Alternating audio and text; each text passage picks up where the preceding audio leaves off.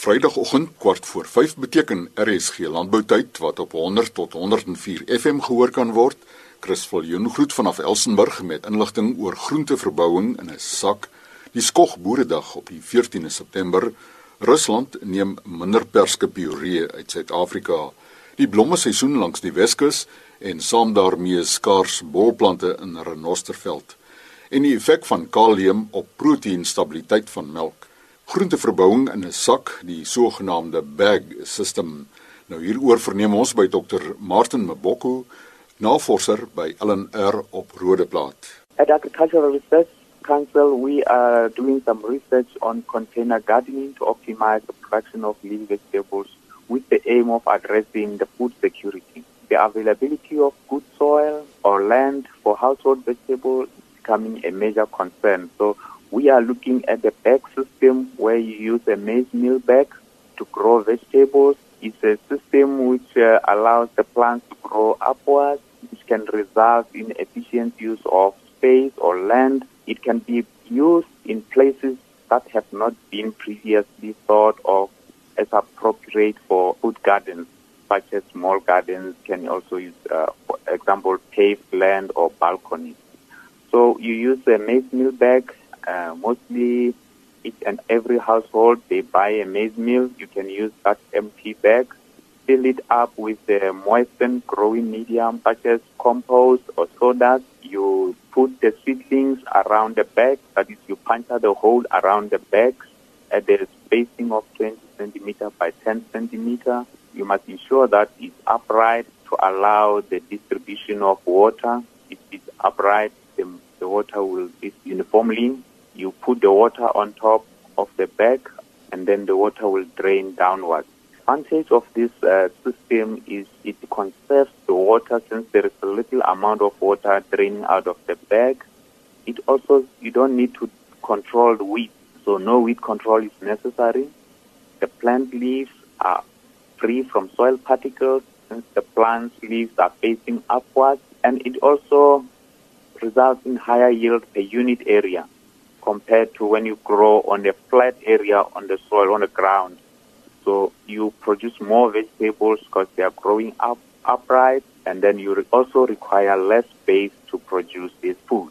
The disadvantage, I'll say, of this system is if you use a poor drainage medium, can result in a negative effect of uh, moisture distribution and also causes a problem of poor root aeration. You just need to ensure that the bags are supported and kept upright for good distribution of water. The maize meal bag, with time, they disintegrate. Depends on the how strong the bag is. You can reuse it. Uh, for more information, you can contact Agriculture Research Council at 012 808 8000. Navorser LNR Rodeplaat, Dr. Martin Maboko, sy e-posadres m m a b o k i m maboko by arc.agric.za. Die bestuurder van Skog, Gert Konradi, gesels nou uit die Swartland oor die Boeredag op die 14de September op die langgewens navorsingsplaas. Ons hoofspreker is die welbekende uitvoerende redakteur van Media 24, Timbre Pessie. En die titel van sy lesing is September 2017 tot September 2019, twee maak of breekjare vir Suid-Afrika. Die titels vir die proewe vir besigtiging is stikstofkolbemesting van koring en canola binne bewaringslandboustelsels in die Swartland, nuwe stelselnavorsing in sluitende dek en alternatiewe gewasse. Dan kyk ons na verskeie reeks kultivars proewe, um, nuwe en beproefde canola kultivars, ons kyk na voergraan kultivars, koringkultivars, winterteelgewasse met hulle verskillende kultivars en dan is daar ook 'n proef in opsigte van die bepaling van veilige riglyne vir stikstofbandplasing by die put onder bewaringslandboustelsels. Daar gaan dit maar eintlik oor brand van die saad met te hoë dosisse uh, stikstof. Ons het swamdoder oplossings vir koring in die Swartland. Verskeie instansies is daar betrokke. Ons kyk na smoorgewasse vir die verbetering van biodiversiteit in kleingraanproduksiestelsels van die Swartland. Daar is ook siekte en fisiologiese skadevoorkoming in canola en dan is daar verskeie instansies wat proewe doen oor dekgewasmengsels vir die Swartland. Vir enige navraag kan die mense my kontak op my landlyn 022 433 2370 of op my selfoon 074 603 7240. Die telefoonnommer van Skog bestuurder Gert Konradi is 074 603 7240 en die boeredag vind plaas op Langgewens 14 September. Rusland neem minder perskepierie uit Suid-Afrika, so sê Wian Victor, hoofuitvoerende beampte van die inmaakvrugte produsente vereniging. Die oomblik is die markplek onder druk as gevolg van die wisselkoers, die versterkte rand bied vir ons 'n uitdaging spesifiek om die pryse wat ons terugkry in Suid-Afrika nie noodwendig die pryse wat ons ander kant behaal in die vreemde valuta nie, maar die uh, waarde van die geld wat ons terugkry in Suid-Afrika word onder die versterkende rand negatief beïnvloed. Verder is dit ook so dat die markplek vir ons taamlik uitdagend is op die oomblik Eh, ten opsigte van die vrugtesappe en die puree. Dit het uh, verskeie redes hoekom dit so is. Die grootste daarvan is dat die mark is onder druk. Spesifiek uh, Rusland neem minder perskepuree. Verder is die Europese mark uh, ekonomies ook onder druk wat maak dit dat ons uitdagend het om hierdie uh, sap en puree te verkoop. Suid-Afrika het ook natuurlik meer as normaalweg sap en puree gemaak as gevolg van die droogte van die afgelope seisoen. Was daar heelwat meer kleiner vrugte en hierdie kleiner vrugte het ons uh, verwerk in in in sap en puree wat natuurlik nou die voorraad ook groter maak.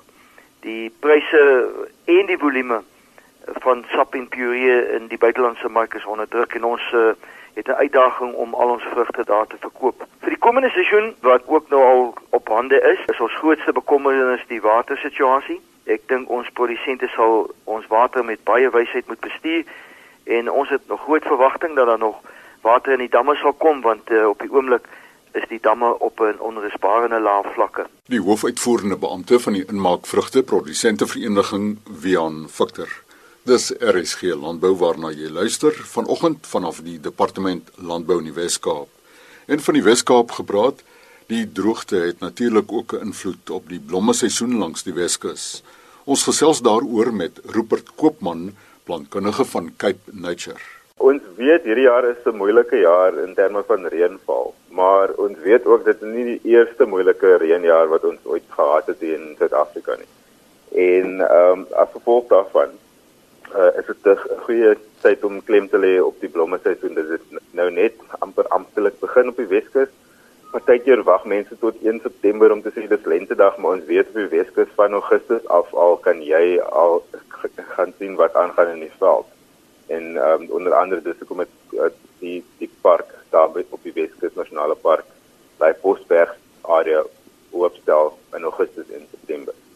Ek wil ook 'n bietjie klem lê op die blommeskoue. So ons weet oor jare in Darling se geval is dit 'n 100 jaar waar daai hierdie fynbos blommeskoue in die lente is wat 'n tentoonstelling is van wat daar buite in die veld aangaan.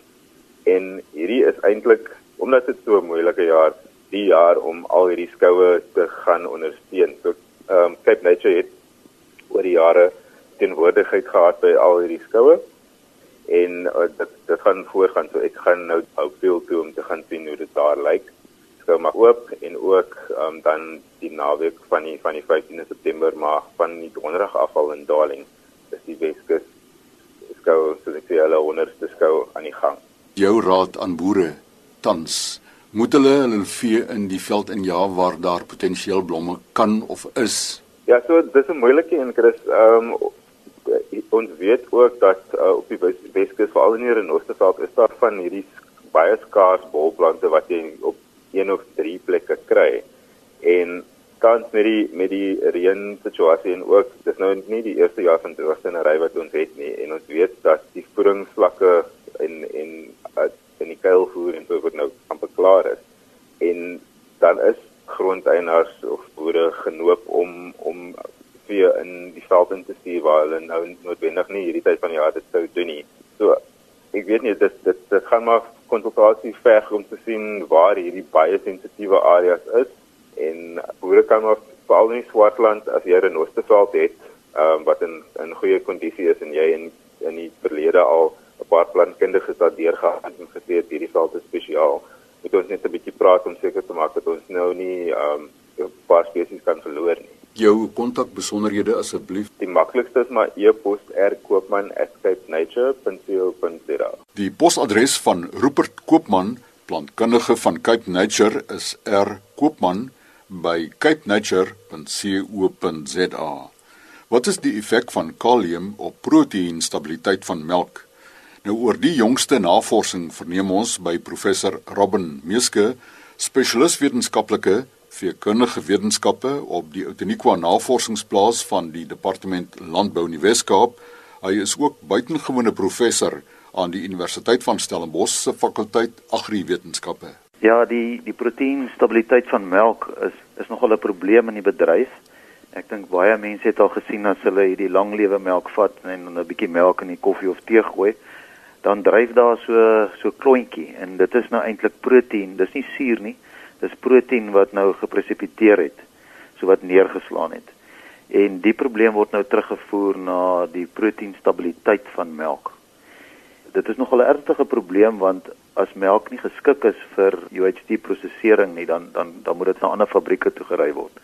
En skep groot probleme vir melkkopers maar ook vir boere want dit kan gebeur dat 'n melkkoper melk afkeur omdat hulle dit nie kan prosesseer uh vir lang lewe melk nie. En die, die probleem kom eintlik al 'n hele tydjie aan en ons het op Outeniqua nou in samewerking met uh, Wikus Joubert wat wat sy studie daarop doen, het ons bietjie gekyk en sê sou kalium 'n uh, deel wees van die probleem.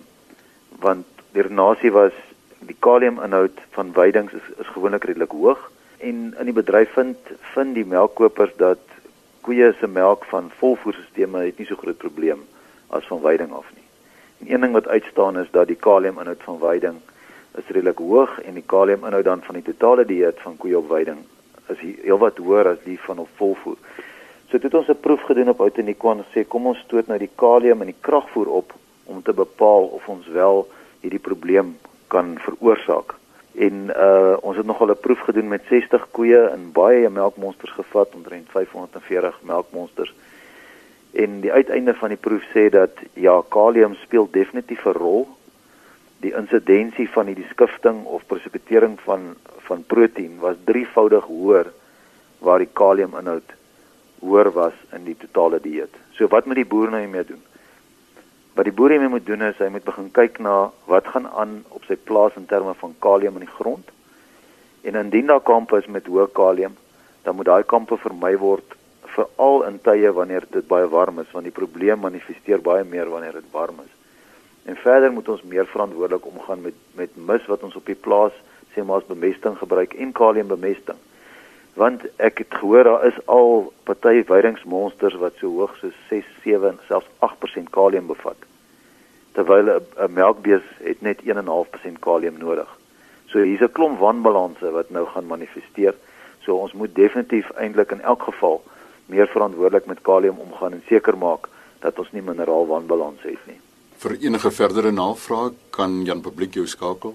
Ja, is welkom. My my nommer is 082 90 84110. Die telefoonnommer van professor Robin Meeske van die Outeniqua Navorsingsplaas net buite George is 082 908 4110. Sy e-pos robin.m@elsenburg.com. Vanoggend se program kan afgelaai word van die webadres www.elsenburg.com. Kyk onder Resource Library. Saterdagoggend om 12:15 in die program RSG Landbou 'n interaktiewe loopbaanplatform. Ons weet dat studente wanneer hulle afstudeer nie altyd weet waar om werk te vind nie. Hulle is baie dikwels onkundig met met wat beskikbaar is Met die gevolg is ons wil graag 'n platform skep waar studente hulle inligting kan oplaai, hulle gegevens, hulle CV's, hulle akademiese rekords en waar maatskappye dan kan in kontak gebring word met hierdie studente wat werk soek. Ons sê maatskappye kan adverteer, maatskappye kan uh, soektogte doen om studente te identifiseer wie hulle moontlik in diens kan neem.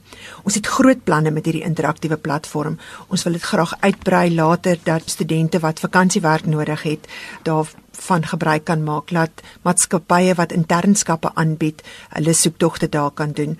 Ons wil dit graag uitbrei ook na ander landbouverwante opleidingsinstansies toe en ons wil graag alle landboubedryfsvennote insluit by hierdie inisiatief.